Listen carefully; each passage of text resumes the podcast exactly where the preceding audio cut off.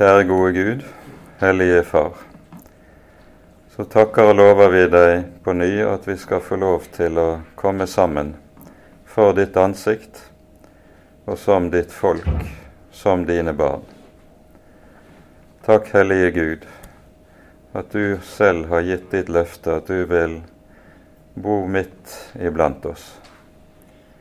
Takk, Herre, for din store nåde for syndenes forlatelse, for en fullkommen frelse i Jesu navn.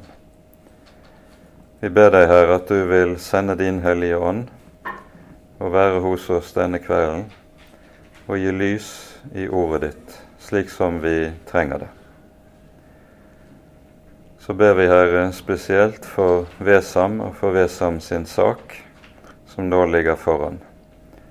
Vi ber, Herre, om at det endelig må lykkes. Vi ber, Herre, at du vil ha ham i dine hender, bevare ham for ondt og gi ham å hvile i troen på din omsorg. Takk, Herre, at du har oss i dine hender, både i gode og i onde dager, og at du er den trofaste Herre. Så legger vi oss selv og alt vårt i dine hender, Herre Forbarm deg over oss. Amen.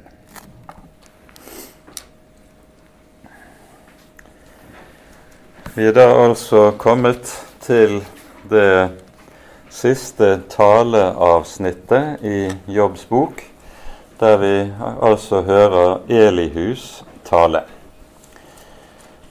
Forut for dette har Jobbs bok bestått av tre talesykluser der Jobbs tre venner holder hver sin tale, og Jobb holder så en svartale til hver av disse. Og dette går altså i tre sykluser. Og så blir det tyst. De tre vennene vet ikke lenger hva de skal svare Jobb. Og Jobb har Jobb sin siste svartale den strekker seg helt fra kapittel 26 til og med kapittel 31, så det er ganske lang tale Jobb kommer med på slutten. Og, eh, men så er det tyst. Skal vi summere innholdet i disse talesyklusene veldig kort, så handler de om det at Jobbs tre venner er det vi kan kalle for herlighetsteologer. De hevder at når Jobb plages sånn som han gjør, så har det sin grunn i at det må være noen skjult synd hos ham som Gud straffer. Og Mot dette forsvarer Jobb seg med nebb og klør. Han hevder med stor styrke sin egen rettferdighet og uh, mener han er uskyldig, og kommer sågar i nærheten av å hevde at Gud er urettferdig, som plager han sånn som han gjør. Dette er i kortform innholdet i disse talene, men de er jo meget, meget mangfoldige.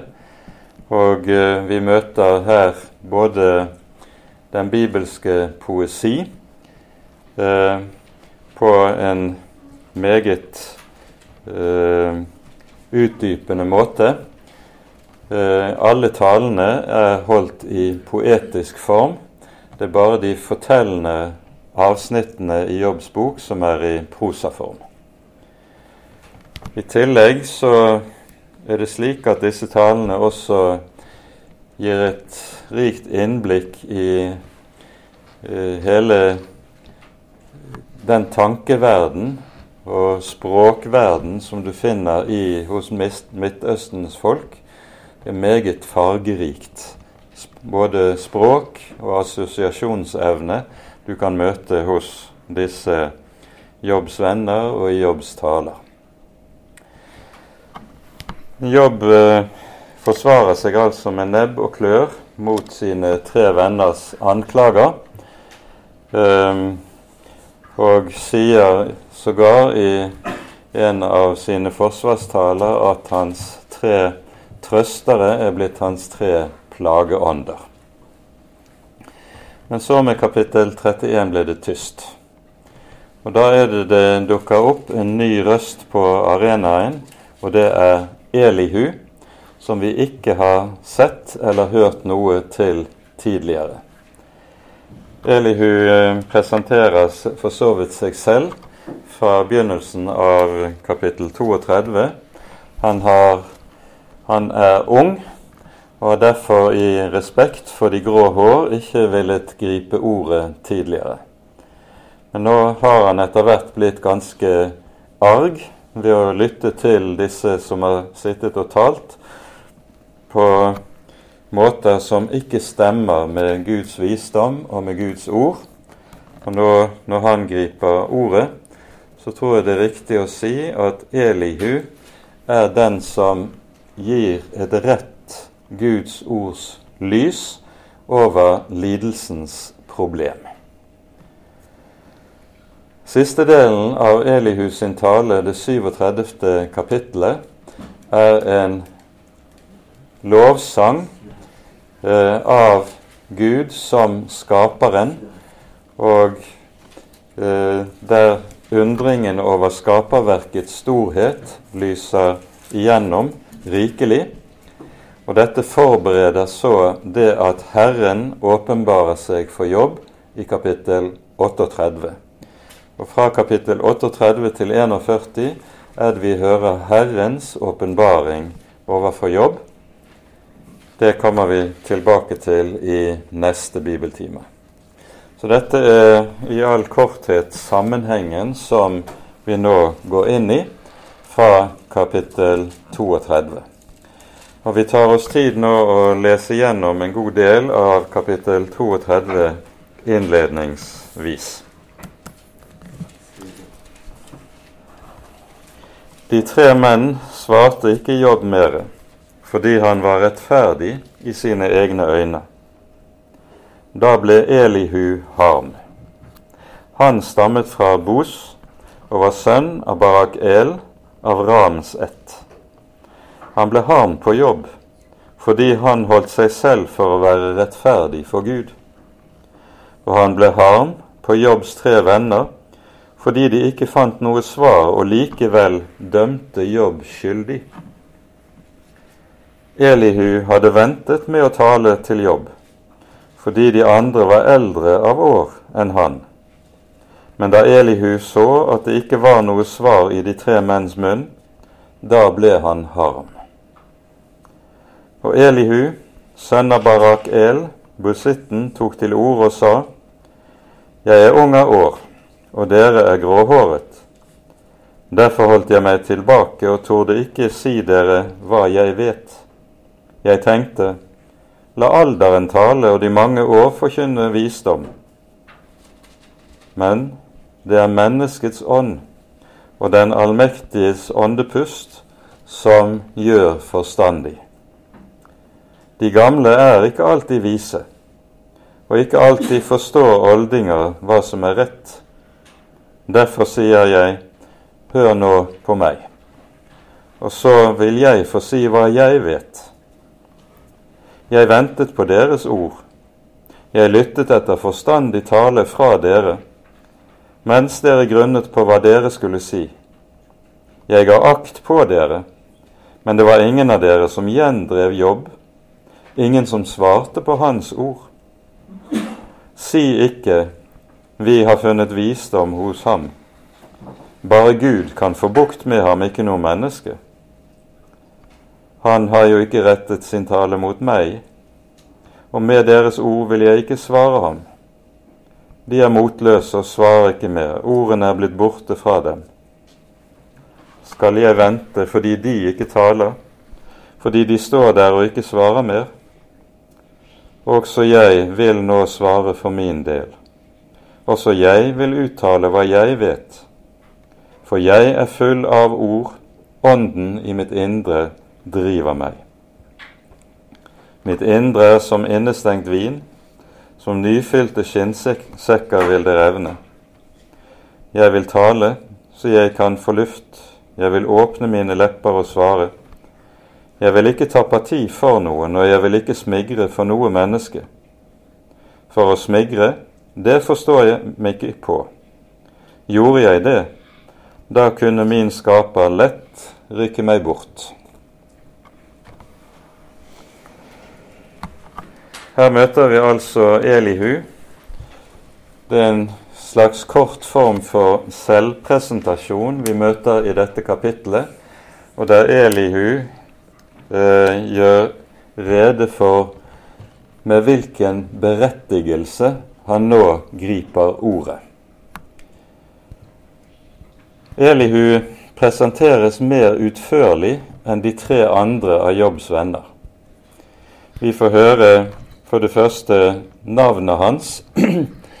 navnet hans er det eneste navnet av, i forhold til de tre andre vennene som er et typisk hebraisk navn. De tre andre har ikke typiske hebraiske navn. Elihu betyr 'Han', altså Herren, er min Gud. Og Vi får høre om hvem som er hans far, og hvilken slekt han nedstammer fra, og antagelig også hvilken by. Eh, byen Bos eh, er nevnt i Jeremias bok som en by blant flere andre som lå i Edoms, e, i Edoms landemerker, altså på østsiden av Dødehavet, øst og syd for Dødehavet. Det var det som var Edoms land. Edom var jo eh, Esau, som var eh, Jakobs bror, men som altså ikke arvet velsignelsen. Og så sier han altså disse ting som vi hører her. Det er slett ikke alltid de gamle er vise. Det er ikke alltid oldinger forstår hva som er rett. Det er ganske tøft å si noe sånt i denne kulturen. For i denne kulturen er det nærmest gitt at det er de grå hår som sitter med visdommen, og ikke ungdommen. Men eh, her er, har altså Elihu en frimodighet som eh, er hentet fra to ting både hans harme over at han vet at Jobbs tre venner har talt ille, og for det andre at han vet at det han selv har å bære frem, det er visdom som kommer ovenfra. Det er menneskets ånd og den allmektiges åndepust som gjør forstandig, står det i vers 8. I andre bibeloversettelser så står det ånd med stor Å, eller stor forbokstav. For det kan, meget, det kan meget vel forstås slik, det som sies i vers 8, at her er det tale om visdom som er inngitt av og ved Guds hellige ånd. Ellers så minner jo eh, Elihus ord her om noe vi kan lese i eh, Forkynnerens bok. Predikeren het jo denne boken i tidligere. Der står det slik i eh, kapittel fire Bedre å være en fattig og vis ungdom enn en gammel dåre av en konge, som ikke har vett til å la seg advare. Så det sies altså nokså uttrykkelig at visdom er ikke noe som uh, nødvendigvis følger, følger, med alderen. Det er noe som Bibelen er meget oppmerksom på, selv om det hører til kulturen at man vanligvis tenker slik. Litt lik um, Elihus sin talemåte er noe av det vi kan også høre i eh, Salme 119.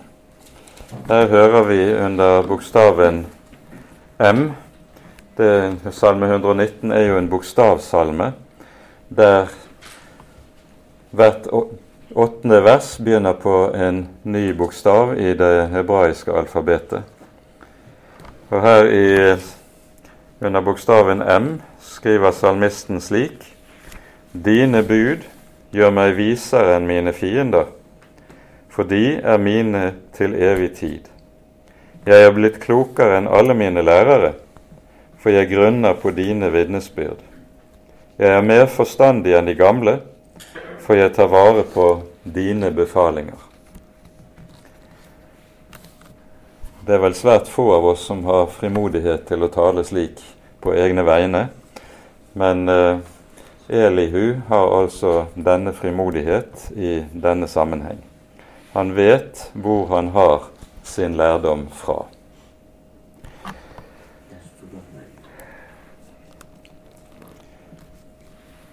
Når vi nå kommer til det 33. kapittelet, er det at Elihu går inn på det det handler om, hva saken handler om. Og Det 33. kapittelet begynner med en ganske kraftig refselse av jobb, hvorpå Elihu går over til å tale om hva som er Guds formål med lidelse og trengsel. Og Vi leser nå videre i kapittel 33. Men hør nå, Jobb, på min tale, og lytt til alle mine ord. Se, jeg åpner munnen, tungen taler allerede i min munn. Mine ord kommer fra et oppriktig hjerte, og mine lepper skal uttale like frem det jeg vet. Guds ånd har skapt meg, for den allmektiges ånde holder meg i live. Hvis du kan, så svar meg. Rust deg nå mot meg og tre frem. Se, jeg er din like for Gud, også jeg er dannet av leire. Redsel for meg skal ikke skremme deg, og min myndighet skal ikke tynge deg. Sannelig, du har sagt mens jeg hørte det, slik lød ordene dine som jeg hørte, ren er jeg, uten skyld. Plettfri er jeg og fri for misgjerning. Men Gud søker grunn til fiendskap mot meg, og han akter meg for sin fiende. Han setter mine føtter i stokken og vokter på alle mine veier. Nei, svarer jeg deg, i dette har du ikke rett. Gud er jo større enn et menneske. Hvorfor går du i rette med ham? Han svarer jo ikke et eneste ord. Her hører vi at Elihu i vers 9 til 11 gjengir i kort form det som er Jobbs eh, selvforsvar. Han har hevdet med stor styrke sin egen renhet. Og eh, det er jo helt tydelig at det i deler av Jobb sin tale har dette bikket over i ren egenrettferdighet. En egenrettferdighet som er såpass uttalt at han til og med kan mene at Gud er urettferdig når han lar ham lide sånn som han gjør. Så Jobb har gått i rette med Gud med det som har lydd fra hans lepper. Og så er det at når vi kommer til vers 14, at Elihu går inn på å si noe om hva som er formålet med trengsel og smerte som han lar menneskene gjennomgå. Og Dette er et overmåte viktig avsnitt. Vi leser En gang taler Gud. Ja, to ganger hvis mennesket ikke akter på det. I drømmer, i syner om natten, når dyp søvn faller på menneskene, når de slumrer på sitt leie. Da åpner han deres ører og trykker sitt seil på advarselen til dem, for å få mennesket til å la sin gjerning fare, og for å utrydde overmotet hos mannen for å frelse hans sjel fra graven og hans liv fra å bli gjennomboret av spydet. Mennesket tuktes også med smerter på sitt leie, og en stadig uro går gjennom marg og bein. Han vemmes ved brød, og hans sjel ved lekker mat. Hans kjøtt tæres bort, så en ikke ser det mer, og hans ben, som en før ikke så, ligger bare. Hans sjel kommer nær til graven, og hans liv til dødens engler. Er det da hos ham en engel, en tolk, en av tusen som forkynner mennesket dets rette vei? Da ynkes Gud over ham og sier, Fri ham fra å fare ned i graven. Jeg har fått løsepenge.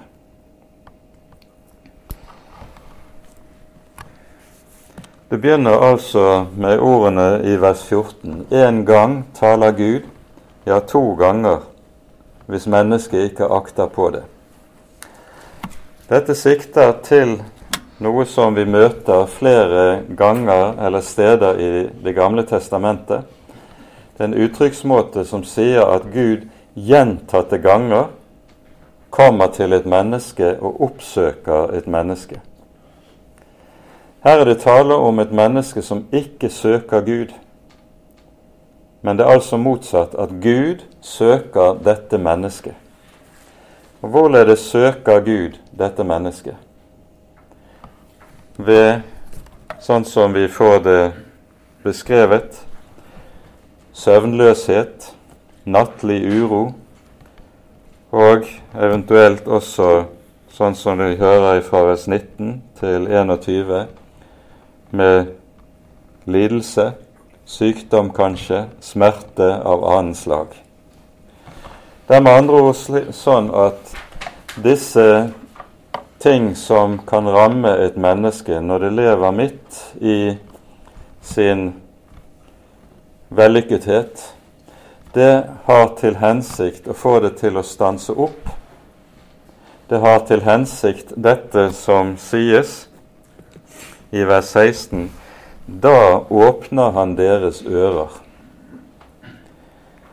Et menneske kan ha et lukket øre for alt som har med Herren å gjøre. Et lukket øre for Guds røst når det lever med, i medgang og gode dager. Så rammes det av nød eller trengsel. Og dette blir meget ofte det som er Guds redskap for å få mennesket til å stanse opp og åpne øret. Kanskje Herren har noe å si meg inn i dette. Dette er også noe av en felleskristen erfaring at når mennesker lever i sus og dus i gode dager, da har de ikke bruk for Gud. Men når nøden banker på døren, da er nettopp nød, trengsel, sykdom, smerte noe som blir et redskap som får mennesket til å stanse opp, til å begynne å lytte, til å høre. Men trengsel i seg selv er ikke noe frelsesmiddel. Det skal noe mer til. Og det er det vi møter i vers 23 og vers 24. Er det da hos ham en engel, en tolk, en av tusen, som kan forkynne mennesket dets rette vei da? Hva menes det med dette? Det har vært en rekke ulike forsøk på å forklare hva det er som menes med ordet engel. Eh, noen fortolkere mener at det henger sammen med det vi har hørt i det 19. kapittel, når Jobb bekjenner midt i sin smerte jeg vet at min gjenløser lever, som den siste skal han stå frem på støvet. Samtidig stemmer dette lite med selve sammenhengen i dette. Og det kan kanskje være viktig å være oppmerksom på at ordet engel rett og slett bare betyr budbærer. Og For min del forstår jeg denne teksten slik at her er det tale om at et menneske som opplever nød og lidelse, når det får møte et annet menneske som så å si kan gi ham det rette ord, det ord som er ovenifra, inn i hans situasjon, så blir han en Guds engel, et Guds redskap til å løse, til å hjelpe ham i den nøden, slik at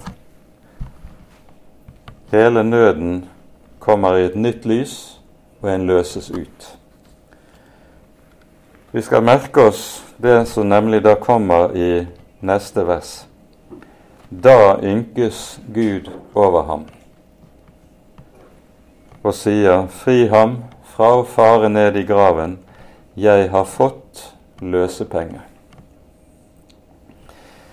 Ordet som her er oversatt med løsepenge, det er det hebraiske ordet som kommer fra verbet å sone og gjøre soning, og som anvendes altså i offerlovgivningen i eh, Mosebøkene. Så det kunne kanskje like godt vært oversatt Fri ham fra å fare ned i graven, jeg har fått soning. Og da må vi knytte forbindelsen til viktig, noen viktige vers i andre Korinterbrev i Det nye testamentet. Vi leser fra 2. Korinterbrev, femte kapittel.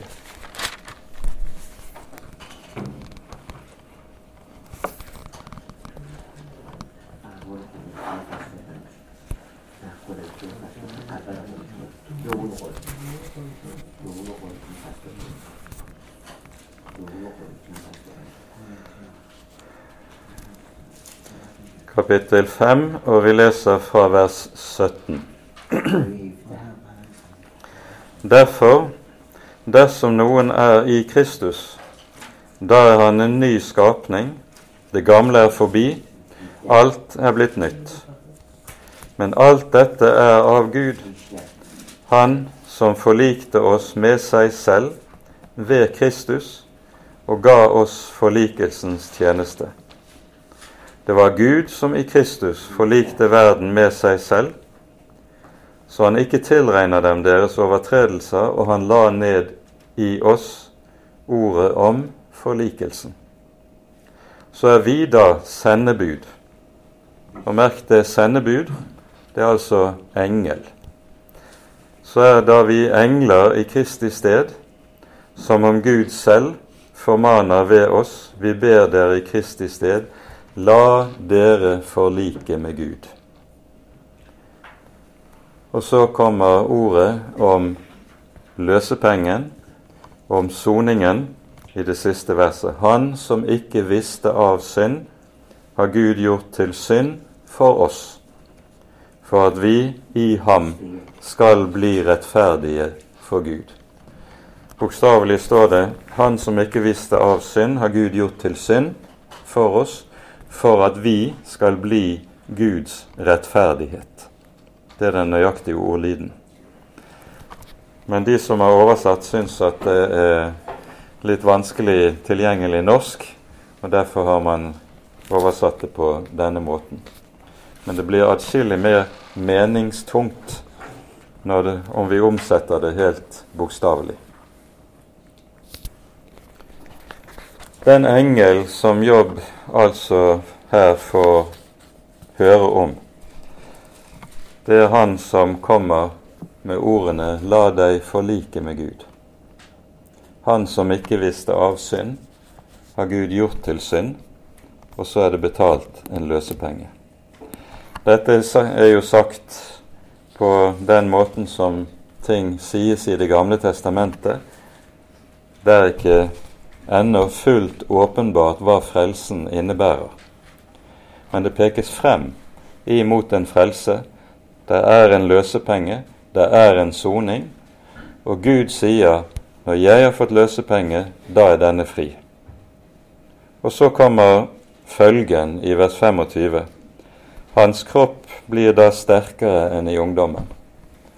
Det er som om Paulus, det Paulus sier i andre kor 5, klinger igjen. Det gamle er forganget, alt er blitt nytt. Livet blir nytt, livet blir gjenreist. Det er sånn han beskriver det her. Han ber til Gud, og han er nådig mot han. Han ser Guds åsyn med jubel, og Gud gir mennesket dets rettferdighet tilbake. Han synger for menneskene og sier, Jeg hadde syndet og gjort det rette kroket, men han gjengjeldte meg det ikke. Han fridde min sjel fra å fare ned i graven, og mitt liv skal få se lyset med lyst. Se, Alt dette gjør Gud to ganger, ja tre, mot en mann. Og i dette Nå har vi hørt én gang, ja to ganger taler Gud til et menneske, og så alt dette gjør to ganger, ja tre ganger. I dette pekes det på hvorledes Gud ikke fort gir opp et menneske. For det første er det jo dette grunnleggende at det aldri dypest sett er slik at det er mennesket som søker Gud. Det er Gud som søker mennesket. Og for det andre, når Gud søker mennesket, så gir han ikke fort opp. Det er dette som understrekes her, og det er fordi, sånn som Bibelen understreker det i så mange sammenhenger, så høyt har Gud elsket verden.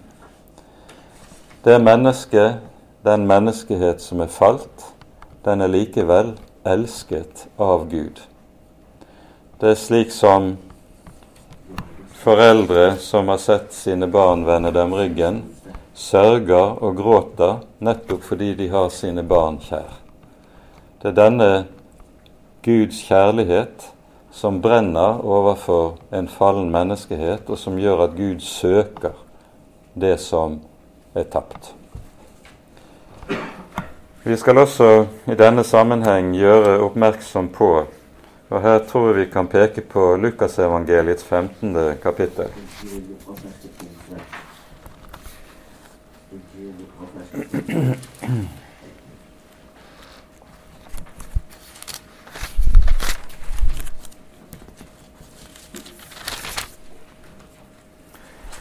Det er her vi hører fariseerne knurrer over at Jesus er sammen med tollere og syndere. Og så forteller Jesus tre lignelser for å til svar på dette. Vi leser fra vers 3. Da fortalte han denne lignelsen til dem. Om noen av dere har hundre sauer og mister én, vil han da ikke forlate de 99 i ødemarken og gå av sted og lete etter den som er kommet bort, til han finner den? Når han så har funnet den, legger han den på skuldrene sine og gleder seg. Når han kommer hjem, ber han sammen venner og naboer og sier, Gled dere med meg, for jeg har funnet igjen sauen som jeg hadde mistet.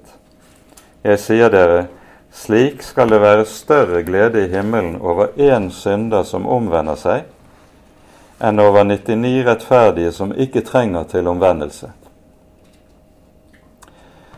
Det vi skal legge merke til her, det er når Jesus taler om vendelse.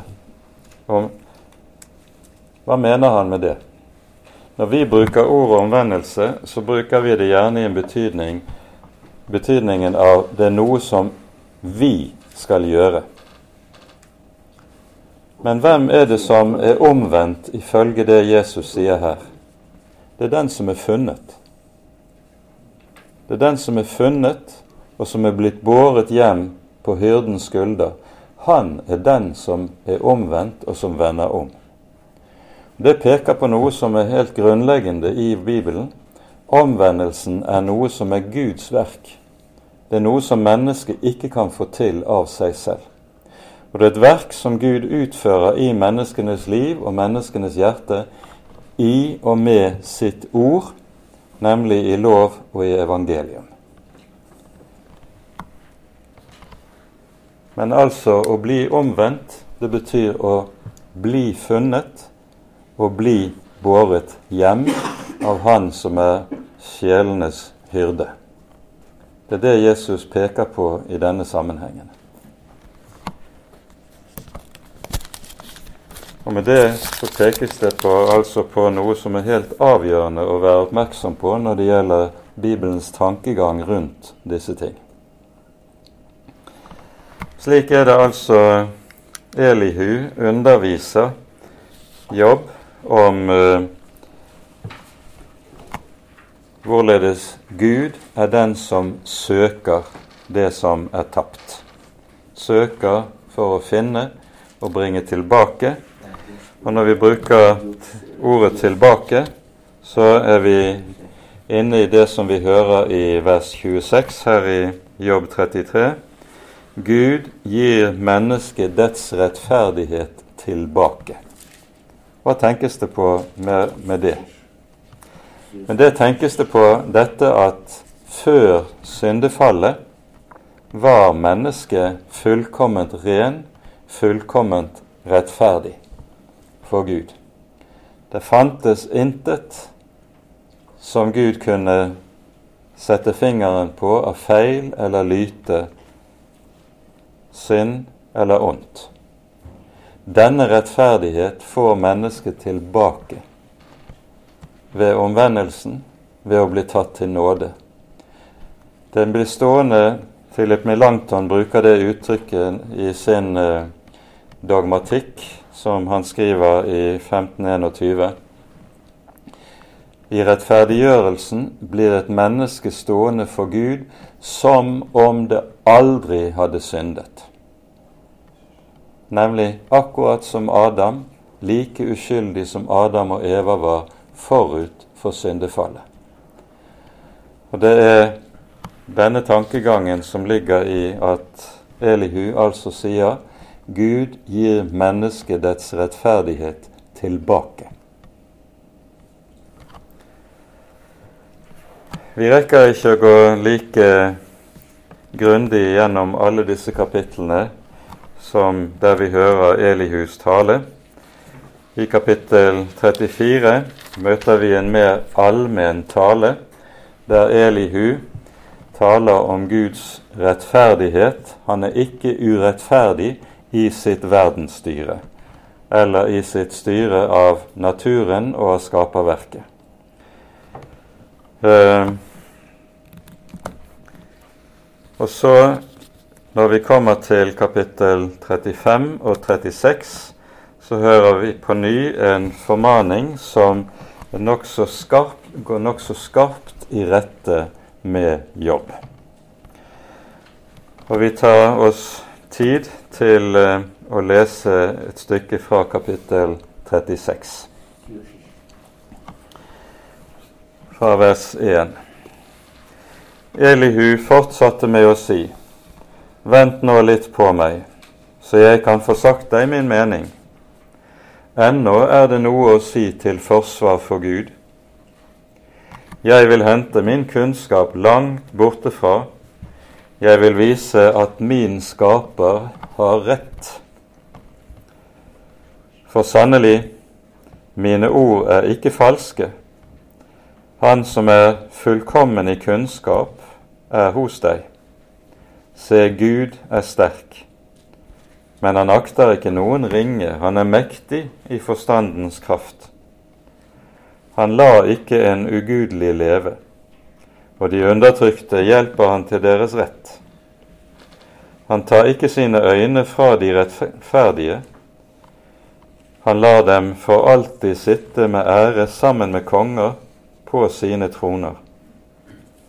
Blir de, altså de rettferdige, blir de bundet med lenker og fanget i ulykkens snare, så vil han med det minne dem om deres gjerninger, deres synder, at de viste seg gjenstridige.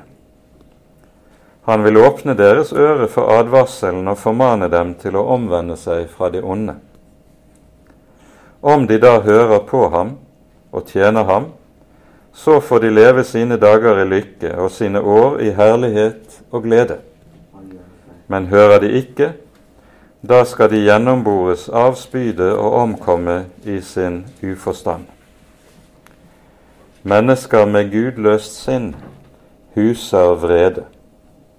De roper ikke til Gud når han legger dem i bånd. De dør i ungdommen. De ender sitt liv lik dem som driver tempel utukt. Men, og her skulle det stått et men, han frelser de ulykkelige ved deres ulykke og åpner deres øre ved trengselen. Og Det som her står i vers 15, det tror jeg kan sies å være hele summen av Elihus visdom.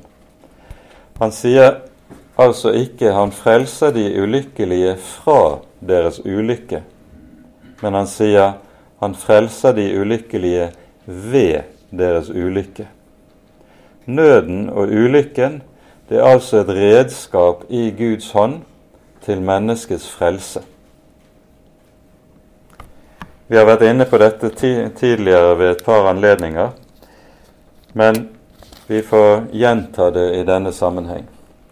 Når Adam og Eva faller i synd, så fører det til den konsekvens at mennesket drives ut av hagen. Og når mennesket er drevet ut av hagen, så drives det ut av hagen til en jord som er underlagt forbannelsen. Fordi du gjorde dette, skal jorden være forbannet for din skyld. Tårn og tistel skal den bære deg, og med møye i ditt ansikts sved skal du ete ditt brød. Av jorden er du tatt, eller av støvet er du tatt, og til støvet skal du vende tilbake.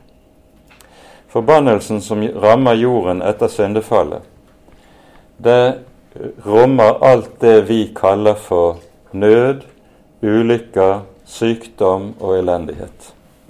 Forbannelsen som rammer jorden etter fallet, det er det som har skapt de livsvilkår i den verden som vi er som vi kjenner. Der ulykker, naturkatastrofer, sykdom og annen elendighet er en så å si integrert del av alt menneskelig liv. Slik er verden av fallet. Når Gud gjør dette, så kunne vi tenkt oss et alternativ.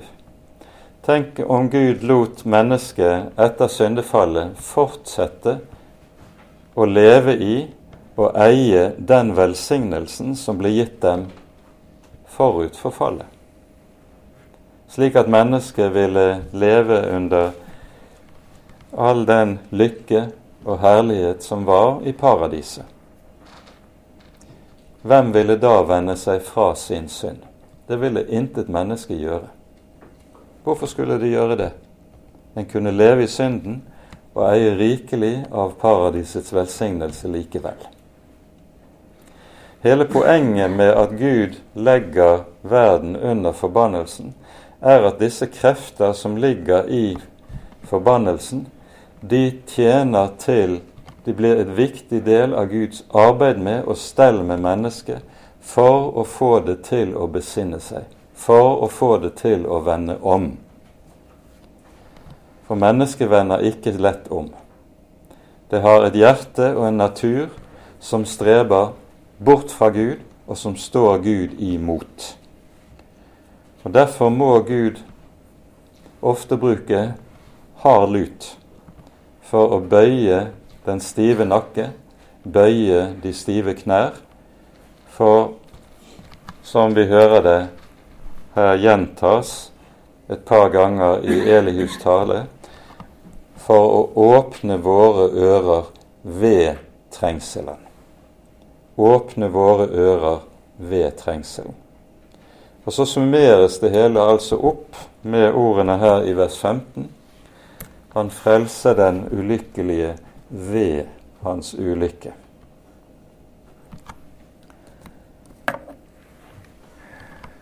Det er enkelte vers inni dette som beskriver det mennesket som hvis ører ikke vil la seg åpne. Eh, når vi hører ordene i vers 11 og vers 12, så har vi i dette en klar parallell til dette som lyder til Israels folk i Jesaja-bokens kapittel 1. Er dere villige og hører, da skal dere ete av landets gode ting. Men der er dere uvillige og gjenstridige, da skal sverdet oppete deres sjel. Et klart enten-eller. Og vi merker oss at frelsen også her knyttes til det å høre Guds ord. Er dere villige å høre? For et menneskes frelse ligger alltid i hørselen, i at Guds ord får lov til å slippe til og gjøre sin gjerning i et menneskes hjerte og sinn. Der er det hemmeligheten ligger gjemt. Ordene i vers 13 fortjener en kort kommentar også. Mennesker med et gudløst sinn huser vrede. De roper ikke til Gud når Han legger dem i bånd. Til dette har vi et ord i um, ordspråksboken i kapittel 19, i det tredje verset her. Her står det slik Menneskets egen dårskap ødelegger hans vei, men i sitt hjerte vredes han på Herren. Dette er en meget treffende beskrivelse av mennesker som vender Gud ryggen, vil gå sine egne veier og aldeles ikke høre på å ha noe med Gud å gjøre. Men når de så høster hva de har sådd, så fører dette for slike menneskers del ikke til deres omvendelse, men at de i stedet vredes på og anklager Gud. Dette møter vi en parallell til i åpenbaringsboken i det 16. kapittel, der vi hører om hvorledes Gud i endens tid sender trengsler over menneskeheten med tanke på å få mennesket til å vende om. Og så er det at det lyder som en kommentar i eh, åpenbaringen men de vendte ikke om fra sine synder, fra sine misgjerninger. Men hva gjør de i stedet? De vredes på Herren, sin Gud. Dette er nøyaktig det samme altså som kommenteres her i det 13. verset i Jobb 36. Så er det også et annet vers her i eh, kapittel 36 som vi skal henlede oppmerksomheten på. Og det er vers 21.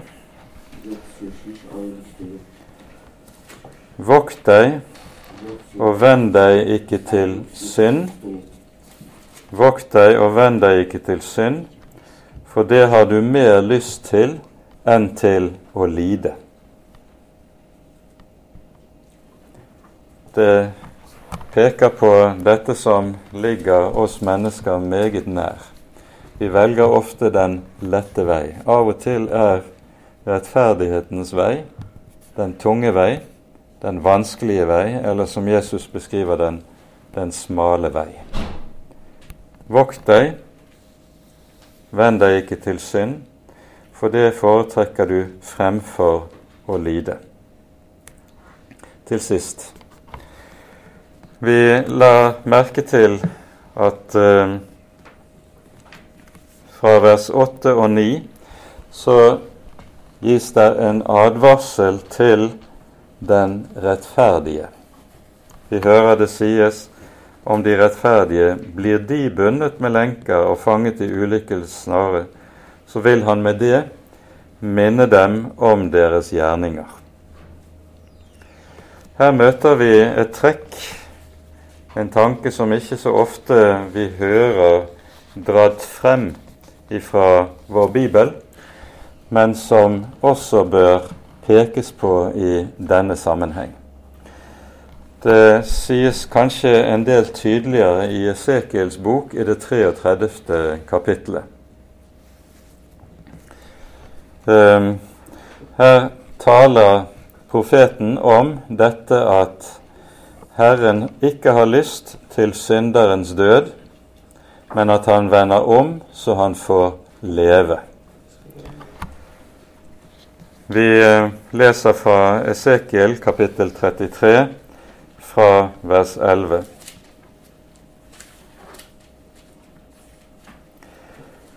Si til dem, altså til Israels folk, så sant jeg lever, sier Herren, Herren, jeg har ikke behag i den ugudeliges død, men i at den ugudelige vender om fra sin ferd, så han får leve. Vend om, vend om fra deres onde veier. Hvorfor vil dere dø, Israels hus? Og du menneskesønn, si til ditt folks barn, den rettferdiges rettferdighet skal ikke frelse ham på den dag han synder, og den ugudelige skal ikke omkomme for sin ugudelighets skyld på den dag han vender om fra sin ugudelighet. Og den rettferdige skal ikke kunne leve ved sin rettferdighet på den dag han synder. Når jeg sier om den rettferdige, han skal visselig leve, og han så setter sin lit til sin rettferdighet og gjør urett, da skal ingen hans rettferdige gjerninger tilregnes ham, men for den uretts skyld som han har gjort, for den skal han dø. Det Esekiel her peker på, det er den fare som alltid ligger nær for et menneske dersom han setter sin lit til sin rettferdighet. I det finner vi det som heter egenrettferdigheten. Den ligger alltid nær, og der den får overhånd, der går den forut for fall. David taler om akkurat det samme når han i en bestemt sammenheng taler om sitt eget fall, sitt dype fall, med Batsiba og med Uria. I Salme 30 forteller han om hvorledes Gud hadde grunnfestet ham men fordi han så kjente seg Fordi han så kjente seg så trygg, kom han på fall. Altså det var hans trygghet, hans egen rettferdighet, som gjorde at han kom på fall. Og Dette er noe Bibelen advarer hyppig mot, men som vi veldig ofte lett glemmer. Og det er det som uh, Elihu peker på her i eh, det 36. kapittelet, når han taler om hvorledes Herren kan binde også den rettferdige i bånd og i lenker for å tukte ham. Det vi her har vært inne på, det samles i Det nye testamentet opp i en sum i Hebreabrevets tolvte kapittel, som er et uhyre viktig avsnitt når det taler om den lidelse som kristne mennesker ofte må bære og smake. Og Det vi ser er tankegangen i eh, Hebreabrevet kapittel 12, det er at Herren bruker smerte og lidelse som redskaper i vår helliggjørelse. Gjennom disse, eller ved hjelp av disse redskaper er det han døder det gamle mennesket, slik at det nye mennesket kan få de rette livsvilkår. Vi tar oss tid og leser dette avsnittet. Det er Hebreerne kapittel 12 fra vers 4. Enda Enda har dere ikke gjort motstand like til blodet i deres kamp mot synden. Og dere har glemt den formaning som taler til dere som til barn. Min sønn, forakt ikke Herrens tukt, og mist ikke motet når du blir refset av ham. For den Herren elsker, den tukter han, og han hudstryker hver sønn som han tar seg av. Det er for tuktens skyld at dere tåler lidelser. Gud handler med dere som er sønner, for hvem er vel den sønn hans far ikke tukter? Men hvis dere er uten tukt, som alle har fått sin del av, da er dere uekte barn og ikke sønner. Dessuten, vi hadde våre jordiske fedre til å tukte oss, og vi hadde ærefrykt for dem. Skal vi ikke da så meget mer bøye oss for åndenes far, så vi kan leve? For de tuktet oss jo bare for en kort tid, slik de fant det rett og riktig. Men Han tukter oss til vårt gagn, for at vi skal få del i Hans hellighet. All tukt synes vel, mens den står på, ikke å være til glede, men til sorg. Men siden gir den dem som ved dette er blitt oppøvd, rettferdighetens salige frukt. Han tukter til vårt gagn for at vi skal få del i Hans hellighet. Med dette pekes det på noe som er helt avgjørende i Bibelens måte å tale om Guds arbeid med oss. Gud arbeider med våre hjerter.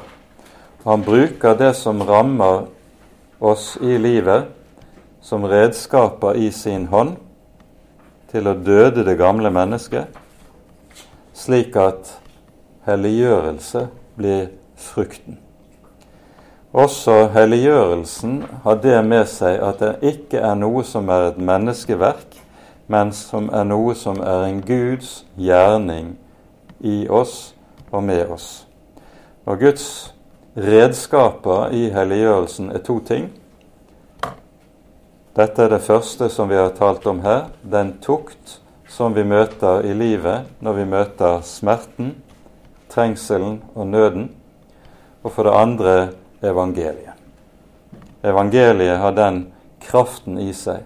Og når disse to ting får gå sammen i våre liv og i våre hjerter, evangeliet om hva vi eier i vår Frelser, i vår Herre Jesus, sammen med at vi går inn under korset sammen med ham, da har vi den frukt av dette som det her er tale om.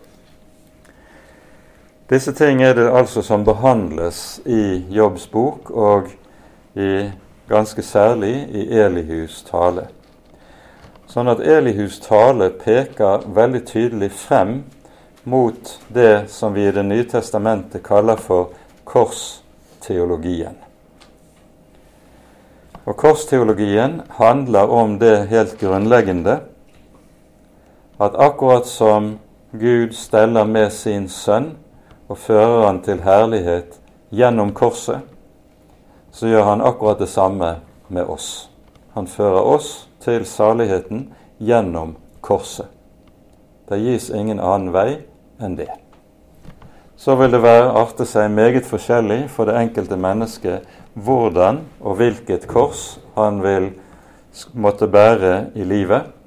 Her tilmåler Gud vårt lodd i livet på forskjellig vis, og vi kan ikke gå Gud etter i sømmene og finne ut av hvorfor han gjør det ene eller det annet. Det ligger skjult i Guds råd. Men det som vi som Guds barn skal øve oss i å vite, det er det som Paulus taler om i Romerbrevets åttende kapittel når han taler også om disse ting. Alle ting tjener dem til gode som elsker Gud. Men han sier alle ting, så menes det bokstavelig alle ting. Også det som smaker bittert.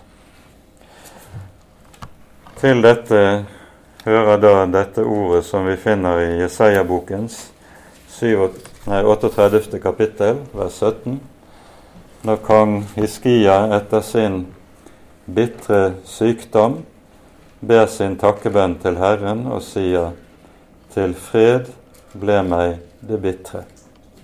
Ja, det bitre, og kjærlig dro du min sjel opp av tilintetgjørelsens grav. For du kastet alle mine synder bak din rygg. Det er Guds vis. Slik arbeider Han. Og så skal vi ikke la oss bedra av alle disse herlighetspredikanter som løper omkring i verden og sier at hvis du er Guds barn, så er du under Guds velsignelse og skal derfor ikke oppleve verken nød, trengsel eller lidelse. Det er løgn. Slik taler ikke Bibelen. Og eh, vi skal ikke låne dem øre på noe vis. Med det setter vi punktum for kveldens bibeltime. Ære være Faderen og Sønnen og Den hellige ånd, som var og er og være skal, en sann Gud, høylovet i evighet. Amen.